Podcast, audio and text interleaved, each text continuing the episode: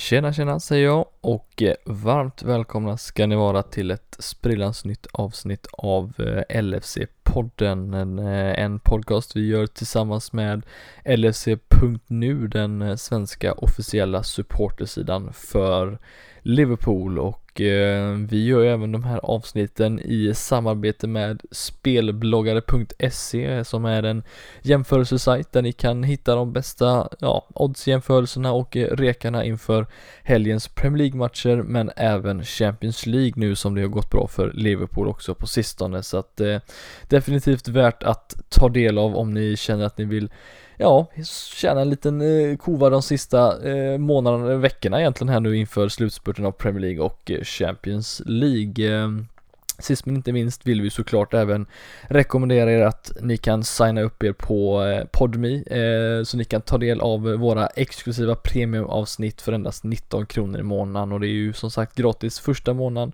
Därefter kan ni känna av vad ni tycker men eh, riktigt roliga avsnitt ni kan ta del av där. Vi, ja, vi hoppar väl igång med kvällens avsnitt här.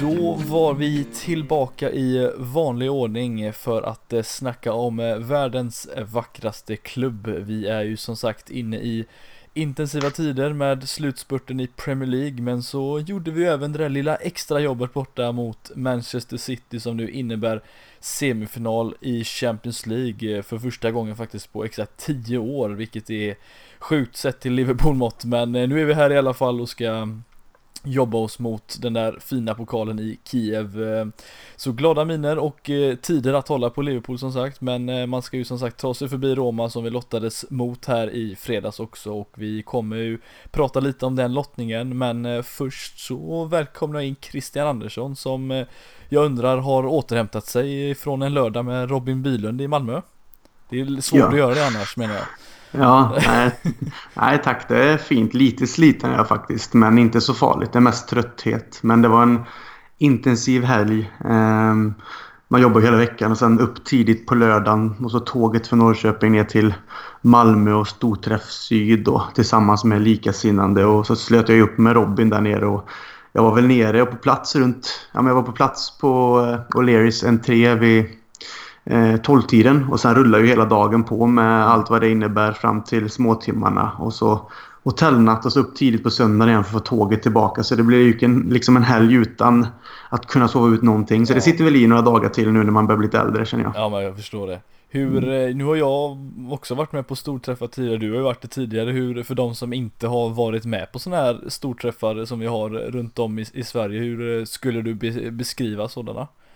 Nej men det, det är ju härligt för jag tror att nu, nu var du ingen eh, gäst och sånt nere i Malmö så att det kanske var inte samma uppslutning som det brukar kunna vara men det var ändå runt 150-160 personer som kom och eh, ja men det är härlig stämning liksom det är mycket skratt och skämt och jargong. Eh, på Lerisen 3 så var det ju, ingick ju bowling och många som bowlade liksom hade med sina barn och så var det härligt surr och öldrickande, god mat liksom. Så att, eh, ja men det är härligt är det. För det, det händer ju mycket. Lite utlottningar med priser såklart då. Eftersom att det var lite sponsorer och sånt också. Så mm, har man inte varit på storträff innan var de än eh, arrangeras så tycker jag att man eh, borde försöka passa på att gå. Antingen om man vill gå själv eller med kompisar eller med familjen liksom. För att Eh, det är en dag med, med Liverpool-fans och match och härlig stämning. Så att, mm. Eh, jag tycker det var absolut var värt att åka ner. Det var ju en eh, ganska bra tajmad sett till ett, ja, tidpunkt framförallt då får man ändå säga att, att just samlas med likasinnande och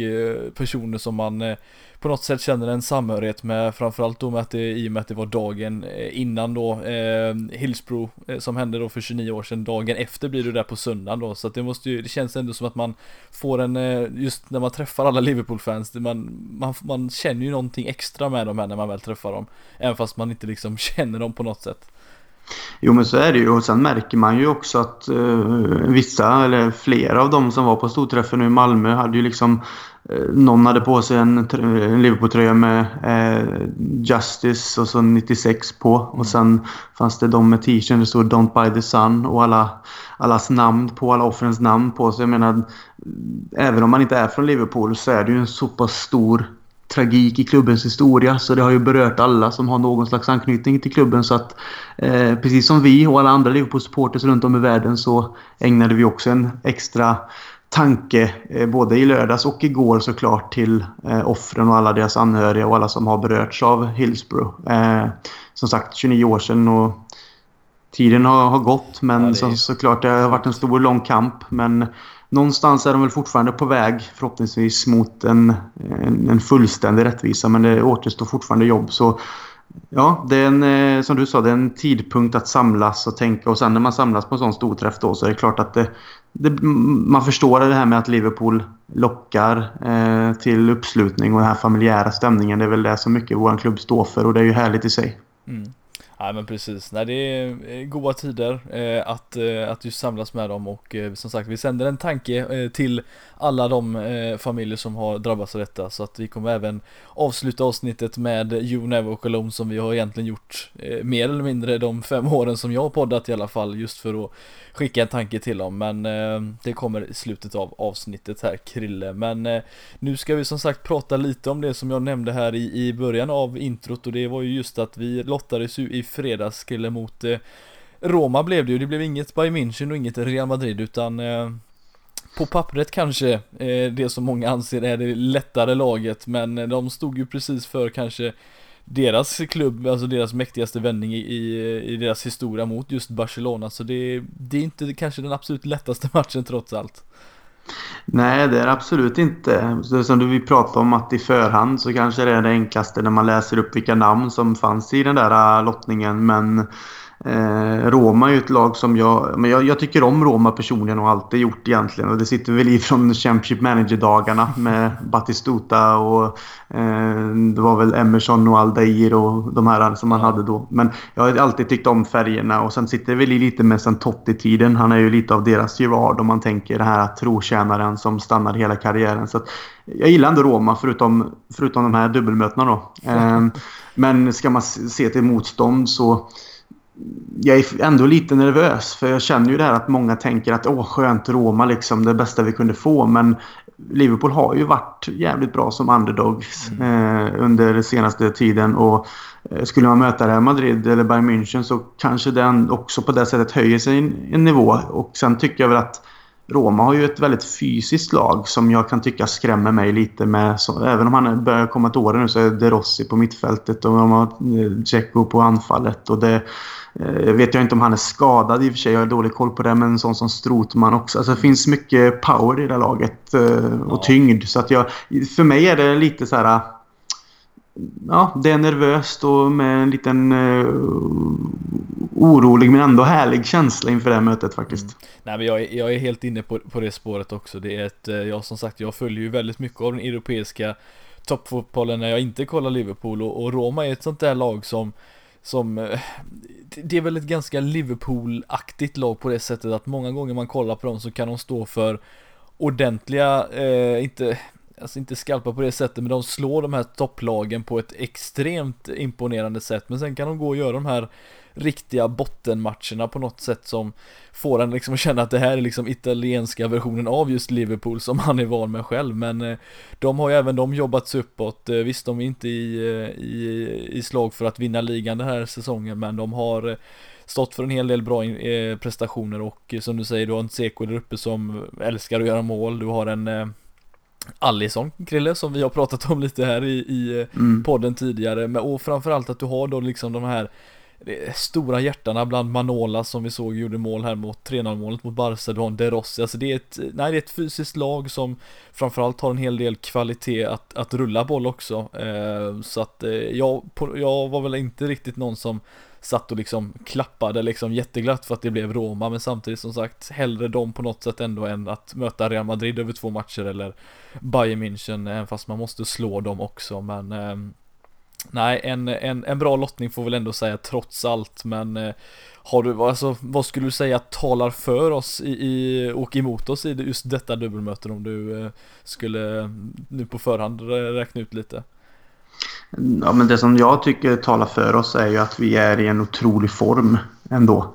Eh, även om det var till exempel som de här matcherna mot United sånt. Men de senaste matcherna nu mot Man City och den matchen vi kommer till snart här i programmet också så tycker jag att vi, vi är riktigt bra just nu. Och vi har stabiliserat defensiven under en, ja men nästintill sen van Dijk anslöt. Mm. Så har vi liksom stabiliserat oss hela tiden. Vi har spelare som tar extra steg.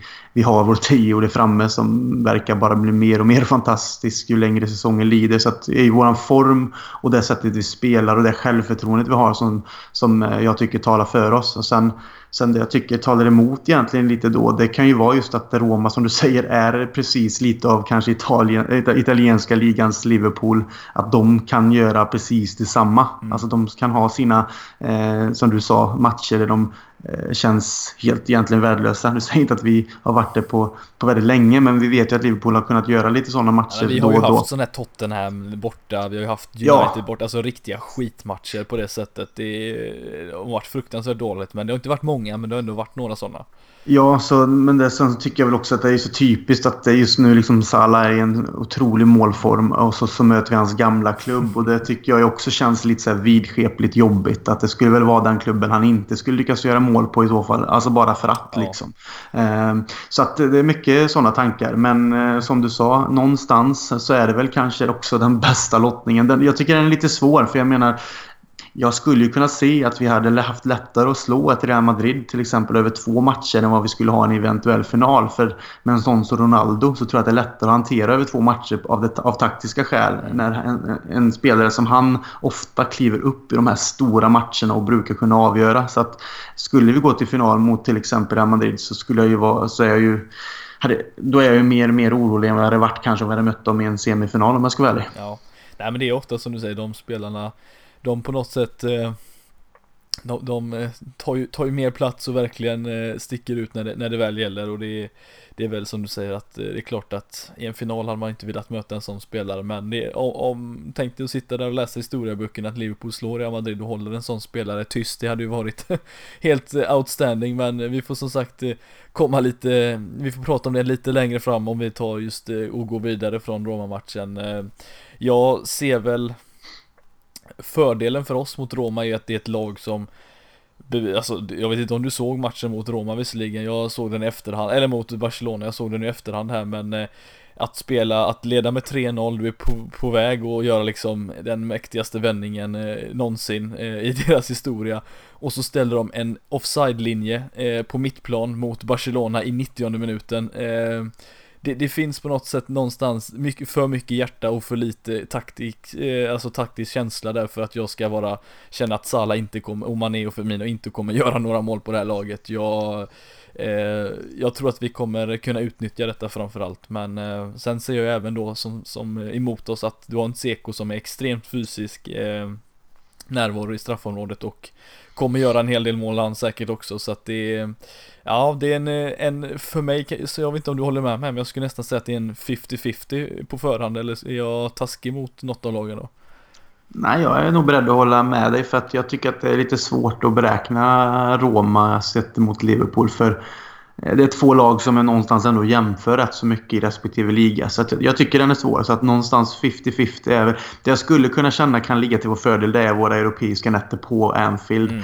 Ehm, jag kan inte säga så mycket om Romas stämning faktiskt. Jag har aldrig varit på plats där. Jag brukar inte titta så mycket på TV längre på italienska ligan som jag gjorde förr. Så jag har lite dålig koll där. Men det är inte många andra klubbar i världen som når upp till våra nivå när det kommer till Champions League-kvällar. Och nu på Anfield som vi har sett till exempel mot Man City det senaste så är det ju helt otroligt. Så att där skulle vi kunna ha den tolfte spelaren i ryggen på ett alldeles speciellt sätt som kanske inte de har. Och det skulle kunna hjälpa oss långt faktiskt. Mm.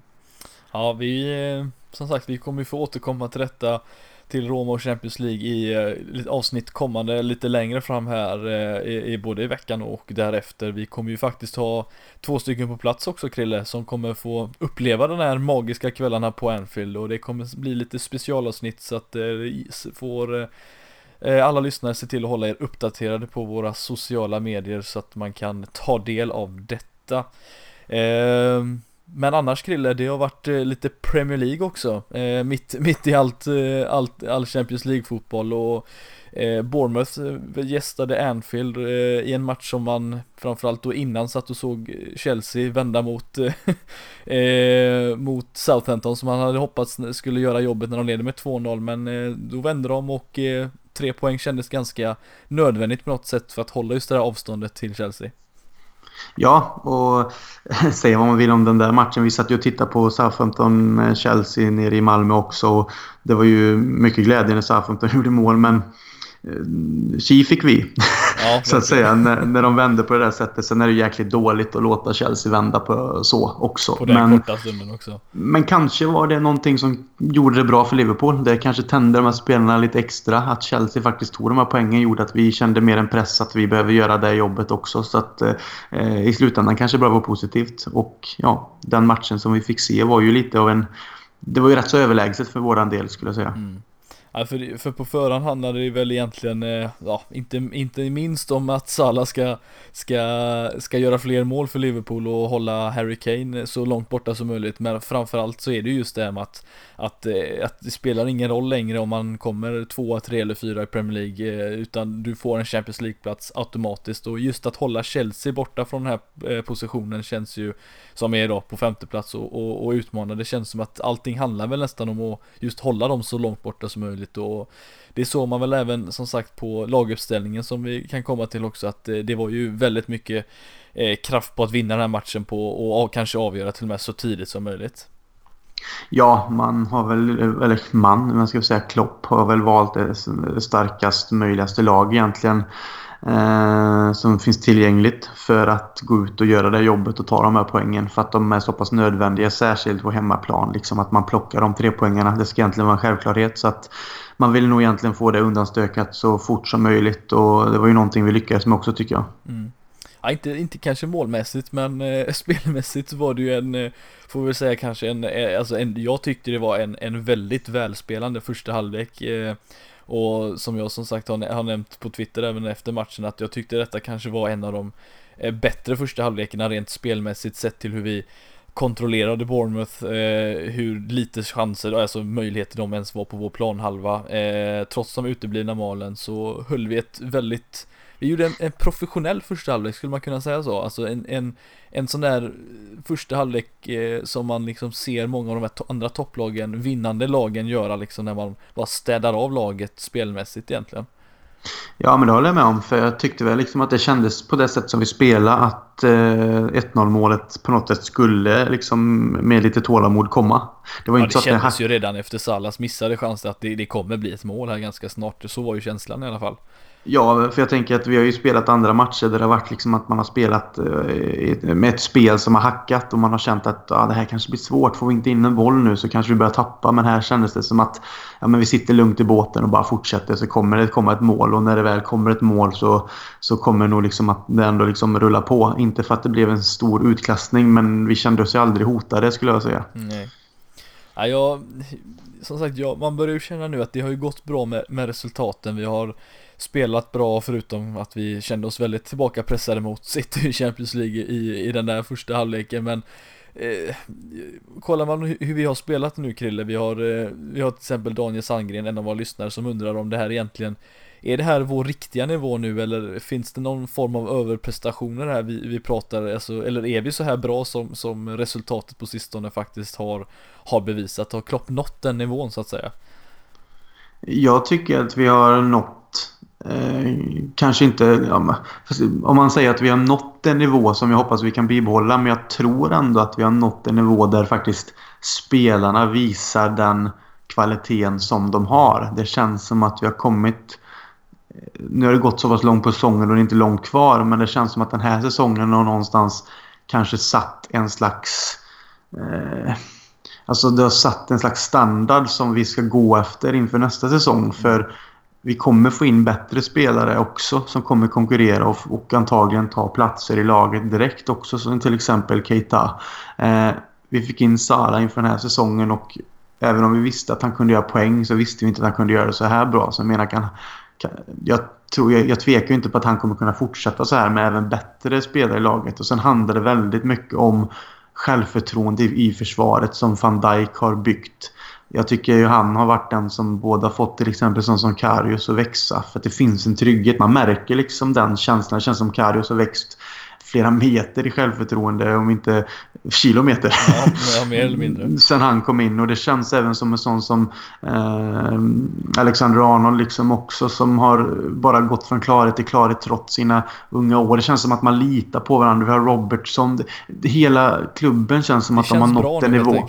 Ja, men det känns som hela klubben har nått en nivå liksom och spelmässigt då såklart med spelarmaterialet där de märker att det är den här nivån vi faktiskt har strävat efter. Och inte minst när vi kollar på de här dubbelmötena mötena mot Manchester City och till exempel matchen mot Bournemouth utan att eh, vara liksom respektlösa mot dem. Eh, så liksom, vi gör det jobbet utan att vi fans egentligen någonstans behöver känna oss oroliga. Och jag tycker att vi har gjort det under en längre period, men mot andra lag också. Eh, så att det gäller ju att kunna bibehålla den här formen nu oavsett hur det kommer gå i Champions League och ta en Champions League-plats i nästa säsong och sen påbörja nästa Premier League-säsong på samma sätt med ytterligare kvalitativa spelare. Så då har vi en fruktansvärt ljus framtid att gå till mötes. Ja, Nej, alltså jag, jag känner ju så här att, att sett till vad eh, vad konkurrenterna har spenderat. Alltså vi jämför med City och United. Vi kanske inte borde kunna göra det sett till att de har eh, helt andra förutsättningar rent ekonomiskt sett men man ser hur vi har liksom gått plus på, på alltså i transferfönster medans Medan City och United då har spenderat liksom i runda slängar två miljarder kronor liksom på spelare vilket är, är helt sinnessjukt egentligen och att vi då jag räknar ju oss som, som ligans näst bästa lag efter Manchester City oavsett vad tabellen kommer att säga i slutändan så är det vi som är på eh, det absolut eh, näst bästa laget i ligan. Vi spelar den roligaste fotbollen, vi har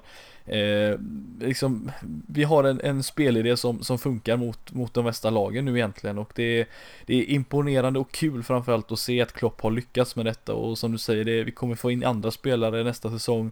Förhoppningsvis kommer eh, många av de här storspelarna att stanna ytterligare därefter också och, och så framtiden känns ju extremt ljus så att jag skulle säga som svar på Daniels fråga egentligen, ja, ja det här är nog vår nivå. Eh, det, det är här vi egentligen ligger och eh, vi kommer bara bygga på därefter och fortsätter det så här Krille, att man har den här nivån så, så är ju, vet vi ju egentligen vad steg två är, är i utvecklingen och det känns ju bara som en tidsfråga innan vi tar de här ytterligare stegen, eller vad tror du?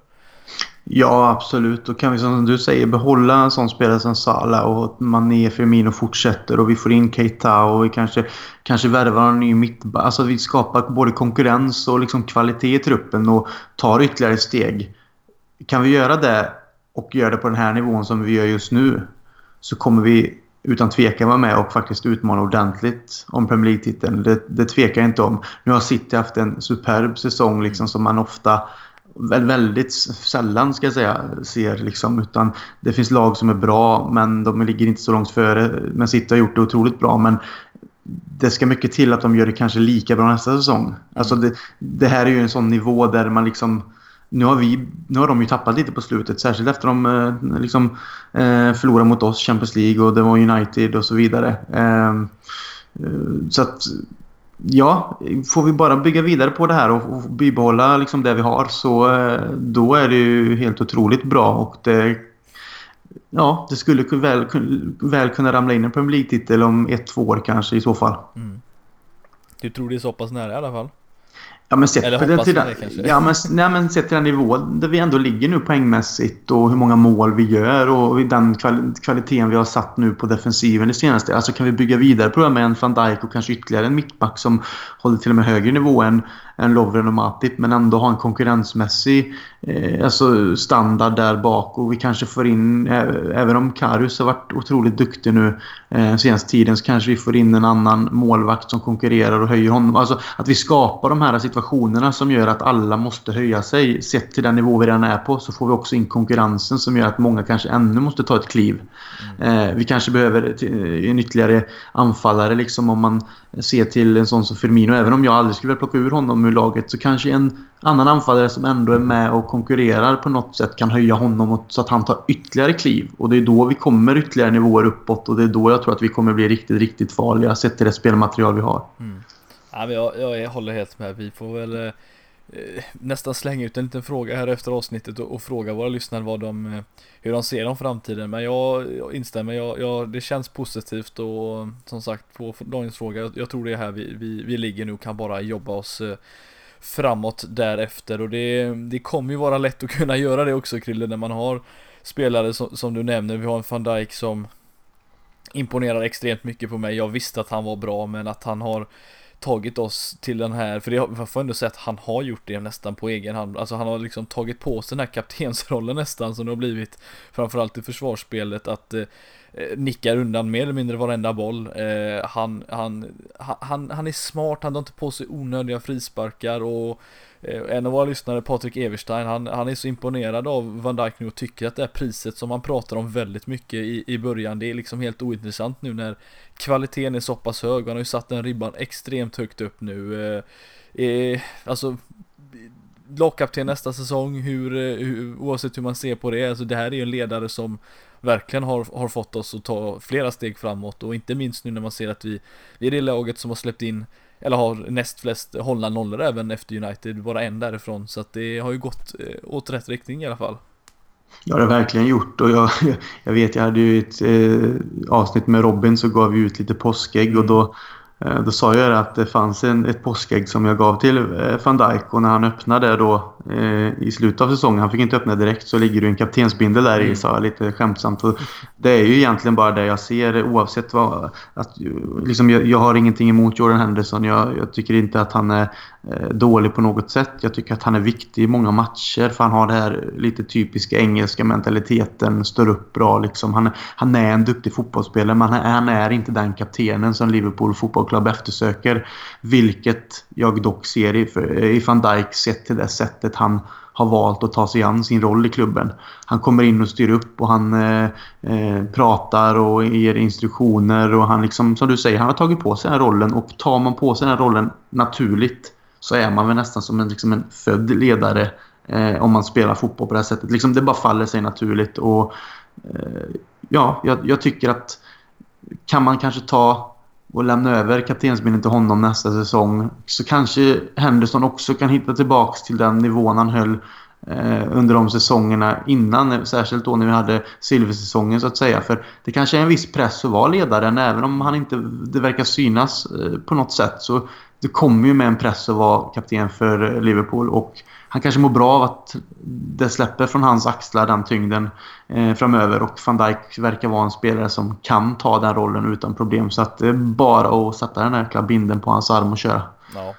Ja, det, det, det, som jag tycker är intressant just det här med när vi pratar om ledaregenskaper eller vi pratar liksom det här med, med hjärta framförallt. Alltså det känns som att det finns extremt mycket mycket, många sådana spelare i den här truppen, framförallt i den här startelvan. Jag tänker på en, en Alex, Trent Alexander-Arnold som trots sin unga ålder, han vill ju vis, ja, bevisa väldigt mycket just för att han är en local och sådär, men det känns också som en kille som när han är liksom i, i, sin, eh, i sin prime, alltså när han är typ så här 24, 25, 26 i något i den här stilen Då är van Dijk någonstans i 30-årsåldern, han kanske är plus där också.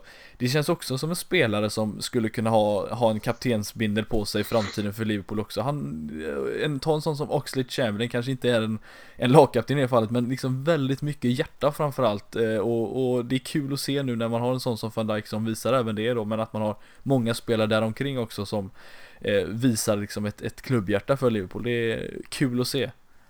Ja, det är jättekul att se och eh, Trent Alexander-Arnold har ju också de kvaliteterna tycker jag. Jag tycker man ser en liten ledare där i honom och det sättet han han har tagit kliv den här säsongen och att han är från Liverpool såklart. Att det är hans dröm att dra på sig den där kaptensbindeln. Men än så länge är han väl kanske lite för valpig både när det kommer till... Oavsett, alltså han har varit hur bra som helst den här säsongen för sin ålder tycker jag. Jag tycker han har haft en jättehög nivå, särskilt den senaste tiden. Så har han ju faktiskt bevisat att han håller på den högsta nivån om man ser till de här matcherna mot Man City. Där jag tycker att han gjorde det eh, exceptionellt bra liksom. Mm. Eh, men han behöver nog fortfarande stå vid sidan av och lära ett tag till och växa både som ledare och kanske som spelare. Men som du säger att när van Dijk börjar komma lite till åren oavsett om det är många som säger att en erfaren kapten är något, av, eh, liksom något bra i en klubb såklart så tycker jag väl att där när han har kommit några år framåt i sin karriär så finns det säkert stor potential i att han skulle kunna ta över en kaptensbindel en dag. Mm.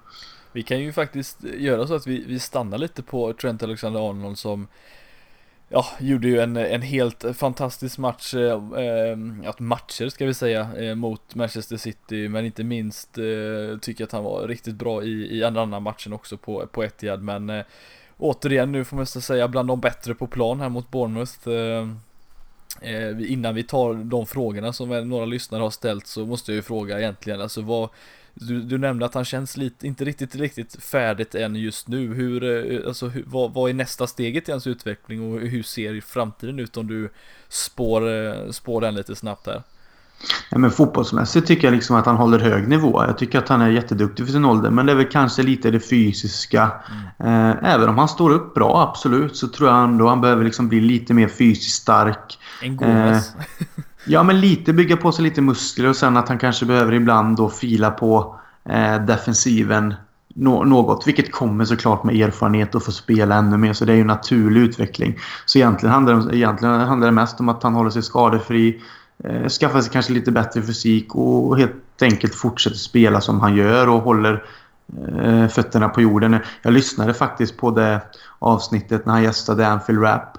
Mm. Eh, och han pratar och han verkar ju vara en otroligt alltså, mogen och ödmjuk kille för sin ålder. Han svävar inte iväg alls och han pratar väldigt mycket om hur det är att vara från Liverpool och representera den klubben som han alltid har drömt om att spela för.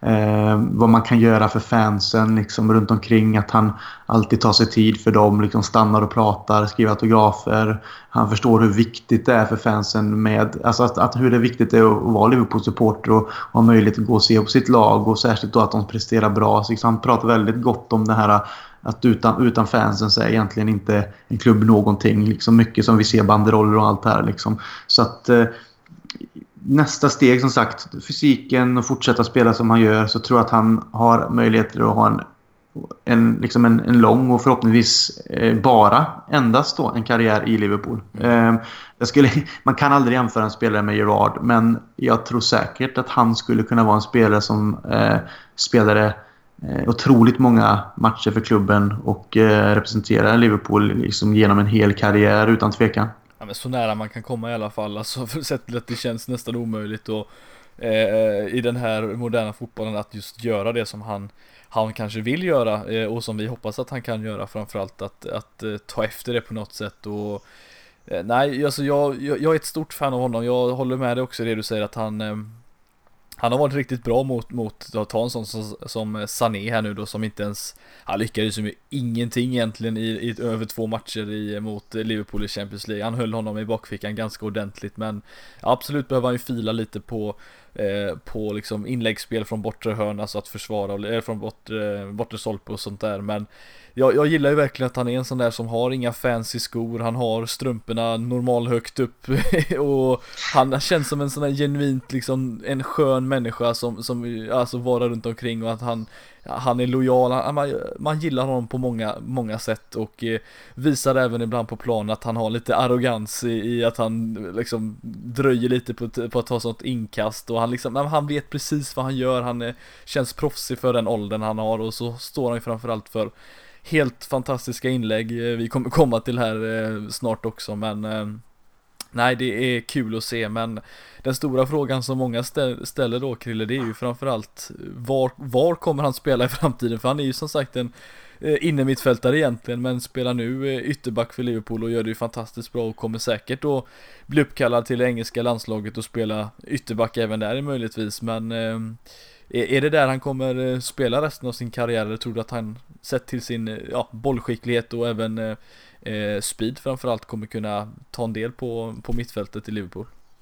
Det tror jag finns möjligheter där. Jag menar nu tycker jag om att se honom som högerback och det jobbet han gör. Jag tycker han gör det jättebra och att han känns som en högerback också. Eh, men visst, som jag sa, lägger han på sig lite mer fysiskt såklart muskler då så skulle han absolut kunna sitta på ett mittfält senare. Eh, det känns som att han är så pass modern i sitt spel att han skulle klara av den rollen.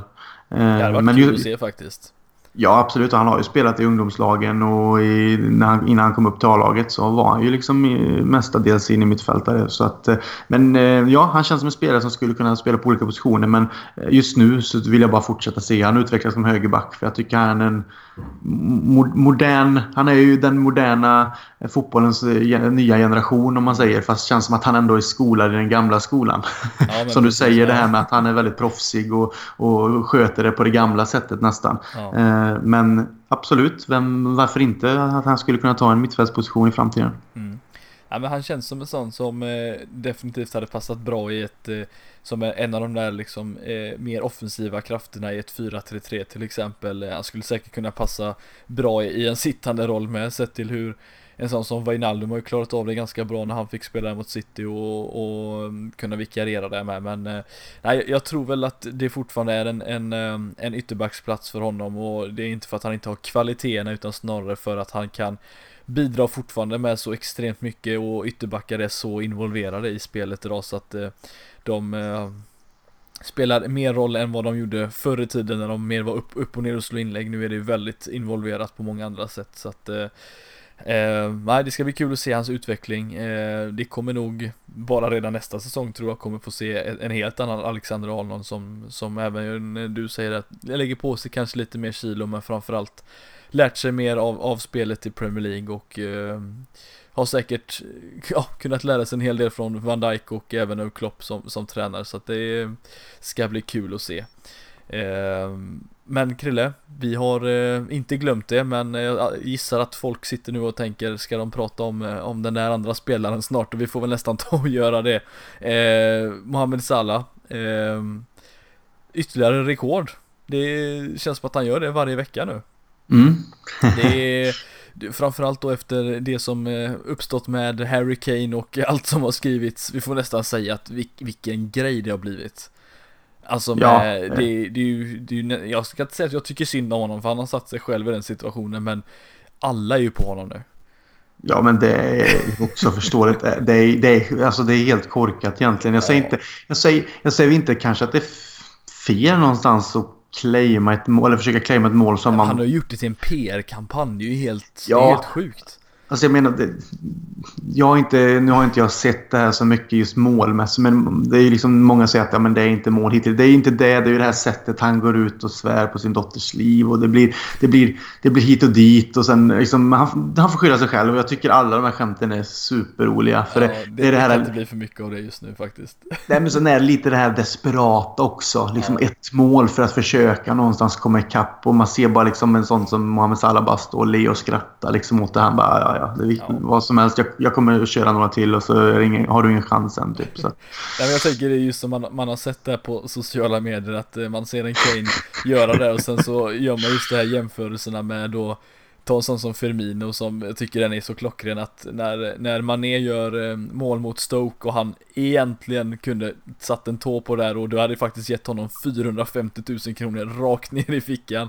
Men han mm. väljer att nej, jag släpper in den, låter Mané göra ett mål för jag behöver inte göra det. Det är lite det här man känner att vad fasen vad glad man är att man inte har en sån spelare som liksom ska gå och ta mål från en lagkamrat. Alltså det är ju Ja, vi, vi får nästan släppa det nu. Det är för att det, det, finns en riktigt rolig bild. Det är ju när eh, Firmino gör ett av sina så här look away goes. Ja. Och det står en text under liksom. När du, innan du ska göra mål, titta bakom dig och ser om Harry Kane liksom kommer försöka claima målet. Liksom. Jag tycker det är så jäkla roligt. Ja. Man sitter och skrattar åt varje sånt litet skämt som kommer upp. Det har, det, har, det har bara blivit väldigt mycket av det men... Eh, ja, ja nej, men eh, På något sätt har väl ändå eh, det satt lite fart på Sall också som eh, man såg ganska ordentligt i den matchen. Ville göra mål också och det är inte kanske bara för att eh, vinna skytteligan men framförallt för att just ja, slå de här rekorden. Alltså han är ju som sagt nu första afrikanska spelare att göra 30 Premier League mål. Eh, tredje spelaren, ja det här är väl det kanske mest imponerande, tredje spelare i Liverpools historia att göra 40 mål i alla turneringar. Det är ju bara eh, Roger Hunt och Ian Rush som har gjort detta tidigare. Det är ju bara en sån grej Krille är ju helt, eh, helt insane alltså när man tänker på det. Mm, ja, och sen var han väl också den första spelaren i Premier League historia att bli utsedd till eh, månadens spelare för tredje månaden i rad va? Ja, var det så? Ja, något i den stilen. Ja. Det är... så, så det är ju ett ytterligare ett rekord då att han sätter det. Men just som du säger, eh, målen. Liksom att att ha gjort 40 mål i alla turneringar nu och det ändå återstår ett, ett antal matcher mm. av säsongen och den formen som han är inne i nu när det, och har varit länge när han gör de här målen. Ingenting verkar svårt för honom. Liksom. Det är bara, det är bara, vi kommer ju till det, bara det här målet mot Bournemouth nu liksom. Och alltså, saker och ting faller på på, på det, eller faller bara på plats när det kommer ja. till mål. Sen att han missar någon gång, det gör alla. Men han ja, det fortsätter. Det är ju första halvleken vi säga. Det kändes han inte riktigt. Det kändes han lite stressad kanske av situationen kändes det som. Han, mm, han, och han riktigt... tog lite chanser som ja. man kanske tänkte att ah, du borde släppt bollen. Eller kändes, som du säger, det kändes lite mer som att han ville för mycket liksom. Ja. Men det känns ändå som att det faller på plats när han väl kanske andas lite och, mm. och tar det lite lugnt. Och då kommer det automatiskt. Och, ja, alltså jag vet inte, nu 40 mål turneringar och nu har han väl Eh, vad är det? Är det tre mål för att slå rekordet? Ja, eller i Premier League. Eh, är det 31 eller 32 de ja, var på? Nu kommer sen, vi tillbaka till det. Sen är han ju sju mål ifrån eh, Ian Rush rekordsäsong då. Det, det, det, har jag väl svårt att se att han ska göra sju mål kanske de resterande matcherna. Men konstigare saker har visserligen hänt. Han gjorde ju fyra i en match visserligen. Mm. Att, eh. Nej, men jag tänker det vore, vore väldigt underbart att ha en spelare som är från Liverpool som innehar målrekordet ja, i Premier League. Liksom. När man ändå och ser till att... en renodlad anfallare framförallt. Nej, precis. När man ändå ser att eh, de andra två, visst, nu hade vi ju som sagt, som vi, jag glömde nämna där med Suarez eh, för ett tag sedan. Men det var Ronaldo och Shearer också. Och jag menar, att kunna slå sådana spelare som ändå eh, en sån som Ronaldo var i United med. Även om han har varit grym i Real Madrid så var han en, alltså Premier Leagues bästa spelare under ja, det är ju ikoner alltså i Premier Leagues ja. historia vi pratar. Det är ju inga dussinspelare kan han slå dem så är det underbart att vara LFC-supporter och känna att vi har spelaren som har tagit det rekordet liksom. Så. Ja, nej men det är, ja, det, det är som du säger, det, det är fantastiskt och jag, jag, kan inte sluta tänka på att jag, jag visste att han var bra och att han hade liksom fin teknik och sådär, men kollar man i många stora delar av den här säsongen, men framförallt nu på senare tid så även liksom sättet han, han han glider förbi, sättet han, hur, hur, nära han håller bollen, nära fötterna och ingen kommer åt honom. Alltså det är ju eh, Nej, alltså jag ska inte jämföra honom med Messi, för Messi är på en helt annan planet, men det är ändå så att det är inte många spelare som kan på det sättet ha bollen så nära du, utan att liksom förlora kontrollen på den. Och det känns som att allting han gör liksom blir, blir till guld på något sätt. Och det är ju alltid från assist till mål till snygga dribblingar och det känns bara som att han, han har liksom tagit ett så stort steg på bara liksom en säsong, inte ens en hel säsong. Och det är, jag vet inte tusan vad, vad det beror på men eh, han får gärna fortsätta så i alla fall. Ja, absolut. Och som du säger det med Messi, som du säger att man kan inte, man kan inte jämföra med en sån spelare som Messi, men det går ändå så att det finns väldigt mycket likheter liksom. Ja, så att så att han har ju den här låga tyngdpunkten. Han, han täcker boll bra fast han är eh, liten. Men han är kvick och han eh, är snabb på liksom att byta eh, riktning med boll. Han, han är egentligen duktig på det mesta liksom offensivt. Och det, han har gjort ett bra defensiva jobb också så han har hjälpt till där med. Men eh, nej, det är grymt eh, imponerande att göra så många mål i Premier League som jag ändå anser är världens bästa liga om jag ska vara ärlig. Ja, jo, men så är det ju. Och nej, som sagt imponerande att göra då 30 Premier League mål och 40 i alla turneringar och som sagt nu var det ju de där tre där framme som avgjorde den här matchen på egen hand. Vi hade ju alla dem med varsitt mål och nu är de liksom på 82 mål tillsammans den här säsongen Krille. Det är ju eh, Alltså det är ju sådana siffror så jag vet inte riktigt vad man ska ta vägen men och, och, det är kul även att se då att, att eh, när det väl händer så får man ju se andra spelare som tar en sån som Oxlade Chamberlain som har visat extremt fin form på, på sistone. Även han kan ta vara på det, eh, att, eh, som, som har gjort en hel del assist nu på sistone också. Eh, känns som att det är många som, som tagit många klivsteg i rätt eh, riktning i alla fall. Ja, och det är ju säkert liksom såklart stor eh, förtjänst eh, från Klopp så att säga. Det, det, det känns som att han den tiden som kanske behövdes för att någonstans hitta helt rätt med Liverpool har, vi har kommit dit nu. Han pratar ju om både tålamod och det här eh, och tid när han kom och tid att forma laget och allt det här. Och det känns med de här spelarna han har då plockat in nu med Salah, van Dijk, nu kommer Keita, Oxlade kom in också liksom och har tagit steg. Det känns som att han, han formar spelare. Han eh, liksom det är från början som jag alltid har sagt. Jag har alltid gillat Oxlade. Jag har sett att han liksom haft talang. Jag gillar honom både i Southampton och, under tiden i Arsenal. Men så märkte man att det inte det, det, han kom inte vidare i sin karriär där. Men så räcker det liksom att han kommer till en ny miljö med en tränare som har kanske andra eh, taktiska förmågor och annat tänk kring, kring hans roll och ser kvaliteter i honom eh, som, eh, som behöver användas på bästa sätt. Liksom. Och, ja, och då ser man hur han hittar glädjen och självförtroendet och tar kliv i sin utveckling. Och jag tror att han är en spelare som vi också kommer ha stor glädje av framöver. Ja, verkligen. Och eh, man fick ju se ett, ett prov på det hela i, eh, mot Manchester City på hemmaplan Men eh, det finns ju en buss även i det här höger, högerbenet Grille som man Det är nog inte sista gången vi kommer få se honom göra sådana där Eh, eh, ja, riktiga projektiler. Han var ju nära även på att få in den här i, i andra halvleken mot Bournemouth men eh, Nej, kul, kul att se att sådana spelare som haft det lite kanske knackigt i, i andra lagen och Man kan ju inte mer än att säga att jag satt och kollade på Arsenal igår och det var Ja, Chamberlain måste ju sitta och känna sig ganska glad över att det här bytet blev av, att han fick byta just mot något lite roligare anfallsriktat lag som verkar gå i rätt riktning, så att han är nog rätt glad för det, eh, får vi väl säga, men eh, Nej som sagt, tre poäng mot, mot Bournemouth Krille, nu ligger vi där på en stabil tredjeplats får jag ändå säga, 10 poäng eh, före Chelsea, visserligen då en match mer spelad, vi kommer ju möta dem i näst sista matchen blir det väl egentligen här eh, också. Eh, men hur, eh, om man tar tempen på på tabellplacering här nu, är, är vi säkra, har vi säkrat en topp eh, top 4 plats trots allt? Det vågar jag nog säga att vi har. Eh, jag ser inte att vi kommer att tappa det sett till den formen vi är i nu. Det känns som att självförtroendet finns där. Spelarna vet om vad som krävs. Och det kommer bara rulla på på det sättet. Vi har dessutom inte direkt svåra matcher kvar. Eh, utan att som sagt vara respektlös. Utan vi har ett Stoke som ligger på nedflyttningsplats. Visst, de har någonting att kämpa för. Men de är också riktigt skadeskjutna. Liksom. Mm. Och möter man ett Liverpool som är det Liverpool vi ser idag så eh, ser jag att de matcherna vi har kvar så är det väl egentligen bara Chelsea som är en stor match på det sättet som skulle kunna sluta annorlunda. De andra matcherna ser jag att vi kommer plocka full pott i, och, eller om inte minst i alla fall en poäng i någon av dem om det är en bortamatch som är lite sådär. Men jag ser inte att vi kommer tappa det utan det känns, det känns som att spelarna vet vad som krävs och tar den här äh, Champions League positionen oavsett om det slutar tre eller fyra eller tvåa för den delen också. Alltså så tror jag att det är klart. Ja, Chelsea som sagt, de, de har ju fem matcher kvar eh, att spela här nu då och eh, kan som sagt som mest hamna på 75 poäng och det är som sagt, då behöver vi ta egentligen fem poäng ytterligare på våra fyra resterande matcher för att eh, nå dit. Eh, och då måste Chelsea som sagt gå rent egentligen rakt av plus att vi då har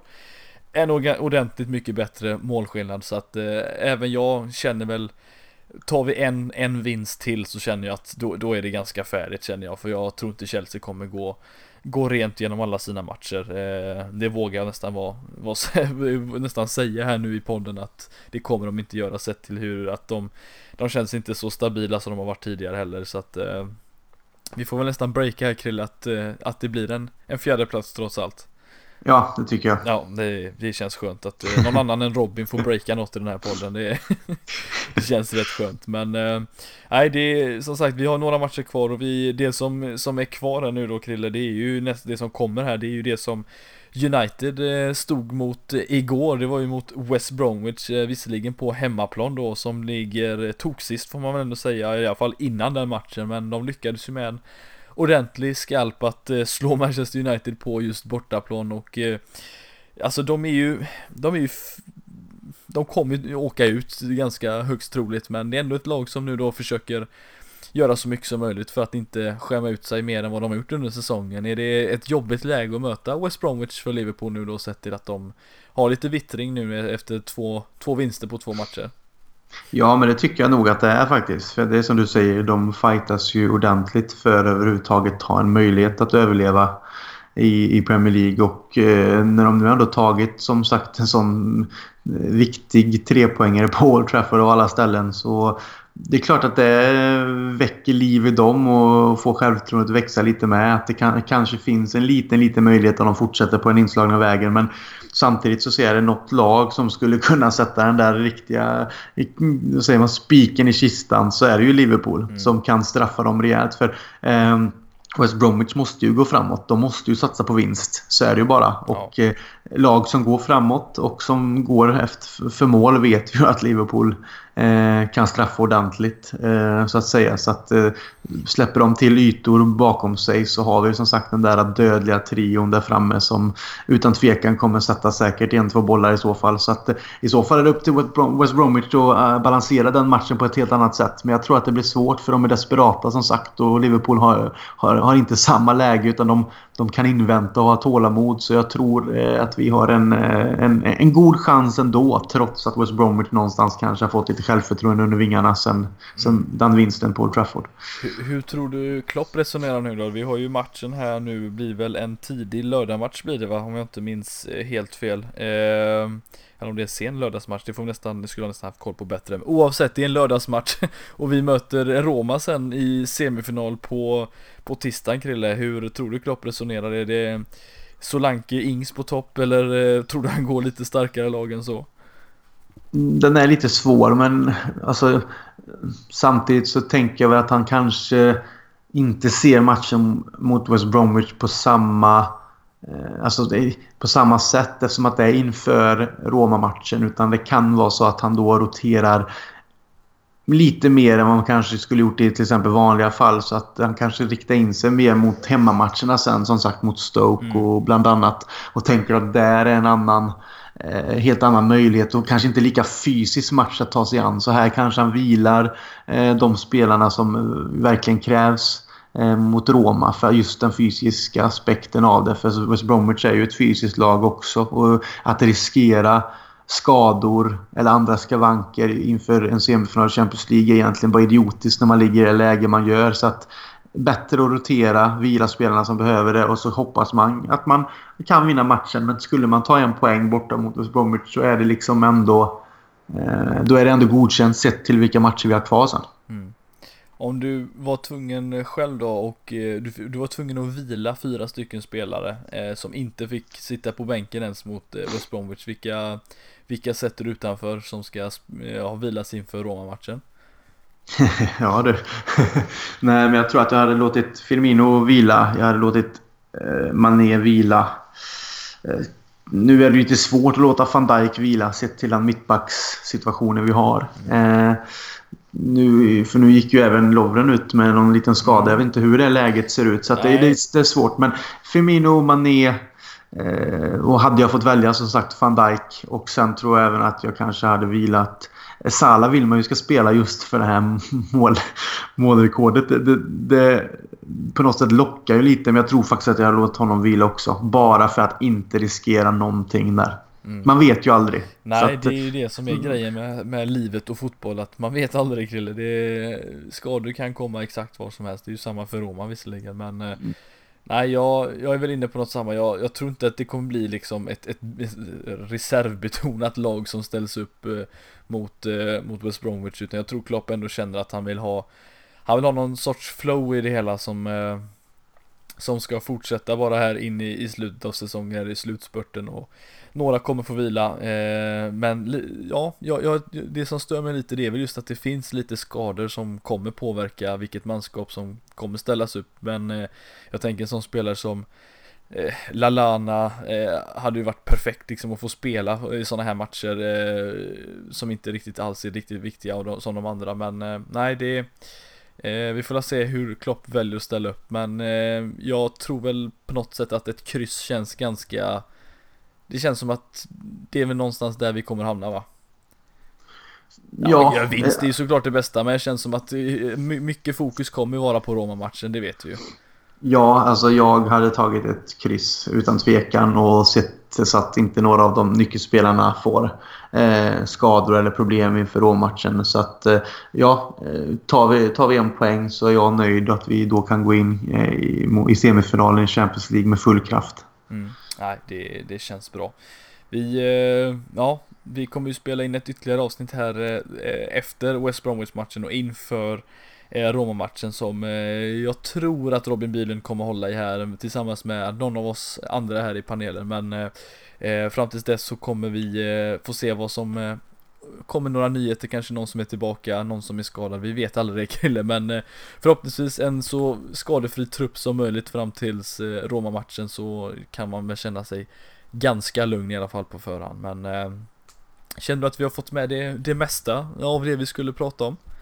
En sak som jag tycker vi ska nämna som vi faktiskt du och jag pratade om innan vi drog igång här och det är ju egentligen det här med att Firmino Ja. Eh, den enda spelaren med över 50 skapade målchanser och över 60 vunna tacklingar ja. som anfallare. Ja, det är, alltså, det är, det är helt, helt sjukt får man ändå säga. Och visst, 50 ska, plus 50 eh, skapade målchanser, det är imponerande. Men att han har vunnit fler tacklingar än spelare som Fertongen, Mustafi och Otamendi eh, som anfallare är eh, det, det är statistik som eh, jag vet inte om jag har någonsin har läst eh, någon, jag vet inte eh, liksom vilken anfallare har varit, ens varit i närheten att komma upp i de här siffrorna tidigare. Jag, kan, jag tror inte jag kan eh, komma på Nej. någon, ja inte ens i Liverpools historia, någon i Premier Leagues historia.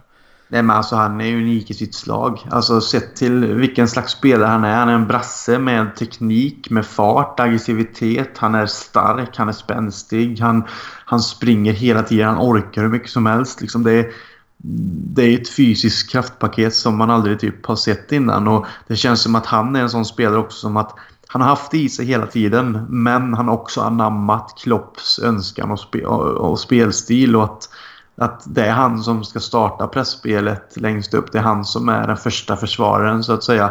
När vi försvarar oss. Och det är precis som att han bara jag tar det till mig och kör bara. Och han gör det helt otroligt bra. Så att som vi har pratat om innan, Salas målskörd, eh, den spelare som Mané är och eh, det han bidrar med plus alla andra. Men jag tycker ändå att Firmino är den där liksom, pusselbiten i det hela maskin maskineriet. Det kugghjulet som gör att allting faktiskt eh, går på det sätt som det går nu. Eh, så att eh, han måste vi som sagt signa upp ännu längre och vi får hoppas att han också håller sig skadefri helt enkelt.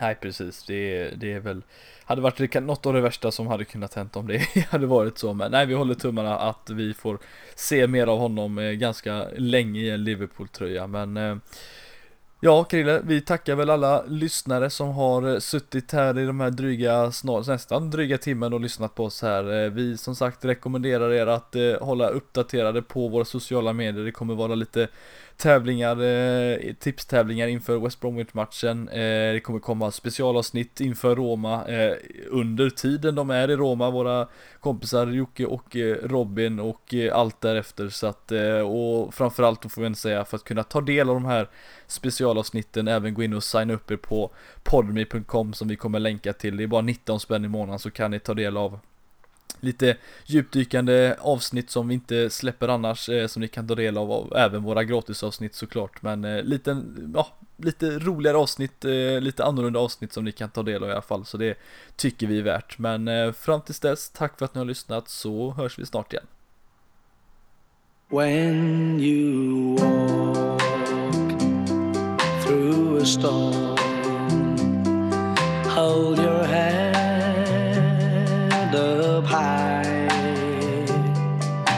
and don't be afraid of the dark.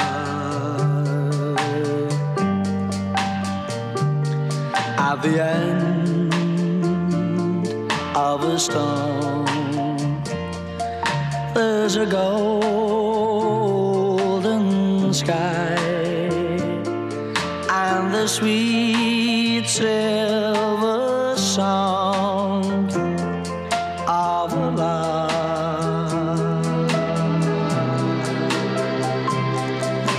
Walk